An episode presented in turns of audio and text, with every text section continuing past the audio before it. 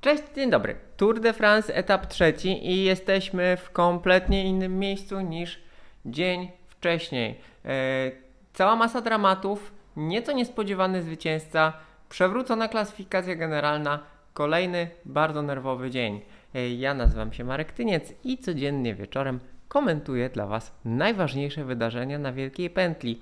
A tych najważniejszych wydarzeń po trzecim dniu w Brytanii jest cała masa. E, nie wiem od czego zacząć, kurczę, słuchajcie, bo e, Primoz Roglic e, upadł porządnie poobcierany na badaniach z dużą stratą.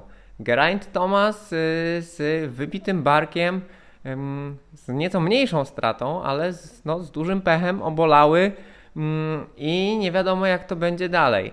Mm, Tadej Pogaczar zatrzymany przez Kraksę również z sekundami straty do jedynych, którzy uniknęli e, pecha na tym etapie Karapaza i Ala Filipa. E, do tego, kiedy wydawało się, że Caleb Ewan pewnie zmierza po zwycięstwo, będzie wychodził z koła zawodników Alpecin Phoenix, popełnił błąd, przewrócił siebie i przewrócił znakomicie pozycjonowanego Petera Sagana.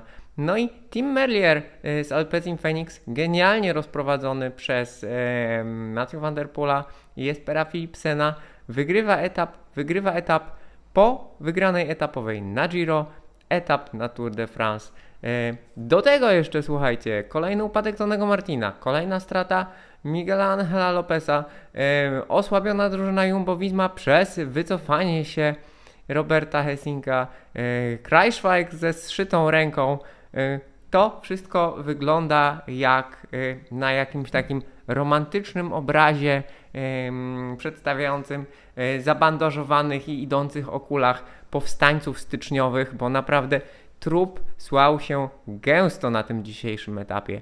Są głosy, czy to nie była zbyt skomplikowana trasa, czy finish nie był zbyt skomplikowany.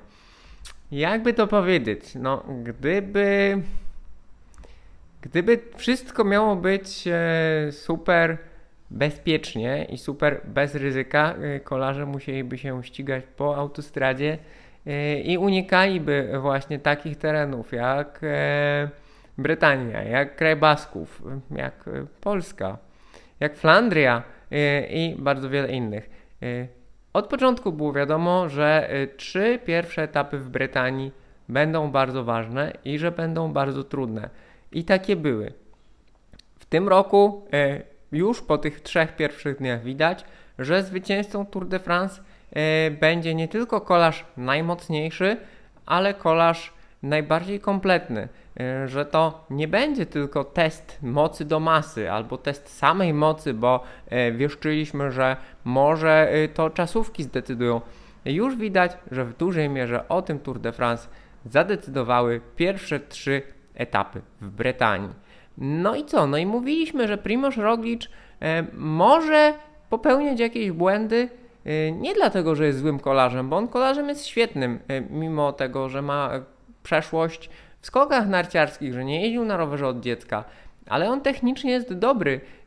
Mimo to tych kilka miesięcy po Liège-Bastogne bez ścigania spowodowało, że popełnił błąd, bo on po prostu, jak to się ładnie mówi, liznął koło, czyli dotknął koła y, zawodnika jadącego przed nim i wywrócił się. W ogóle kolarze Jumbo-Visma faktycznie przewracają się na tym turze bardzo, w zasadzie na każdym etapie, no i, no i cierpią.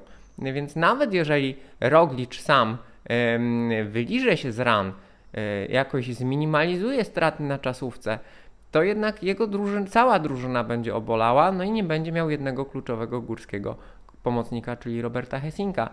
E, co więcej, zbliżająca się za zaledwie dwa dni czasówka może być dla niego bardzo trudna, bo e, z takimi otarciami i stłuczeniami no on nie będzie dobrze spał w najbliższych dniach. E, takie rany no, będą to wszystko się paskudzi, krótko mówiąc, więc y, y, ani się położyć, y, ani trzeba zmieniać opatrunki. Nawet przy współczesnej medycynie no, nie wynaleziono magicznego leku na otarcia i na tak silny ból, więc ta czasówka może nie pójść po jego myśli. Obecnie w najlepszej sytuacji jest Julian Alaphilippe i nie mam pojęcia jakby jakie są jego cele na ten Tour de France. Czy klasyfikacja generalna, zwycięstwo etapowe i koszulkę lidera już ma, miał. Ma znakomitą zaliczkę w klasyfikacji punktowej, ma 80 punktów. Często jest tak, że do wygranej klasyfikacji punktowej e, wystarczy około 320, 360. E, zatem Alaphilippe ma już tak naprawdę jedną czwartą, jedną piątą punktów zgromadzonych po zaledwie trzech dniach. Jeżeli dobrze pojedzie czasówkę, to nie wiadomo jak to będzie. Geraint Thomas z kolei mm, gdzieś w drodze, w drodze z y, mety etapu na, na USG y, z tym swoim y, wybitym barkiem stwierdził, że tak naprawdę y, faworytów generalki poznamy po pierwszym dniu przerwy. Trzeba pamiętać, że on kończył już y, tur z połamanymi kośćmi i mimo wszystko dojeżdżał do mety. No, jest twardzielem, jest pechowcem, ale jest też twardzielem. No i mimo, mimo tego wybitego barku, on dojechał w zaledwie trzeciej grupie mm, dwadzieścia kilka sekund, dwadzieścia kilka sekund e, za pierwszą.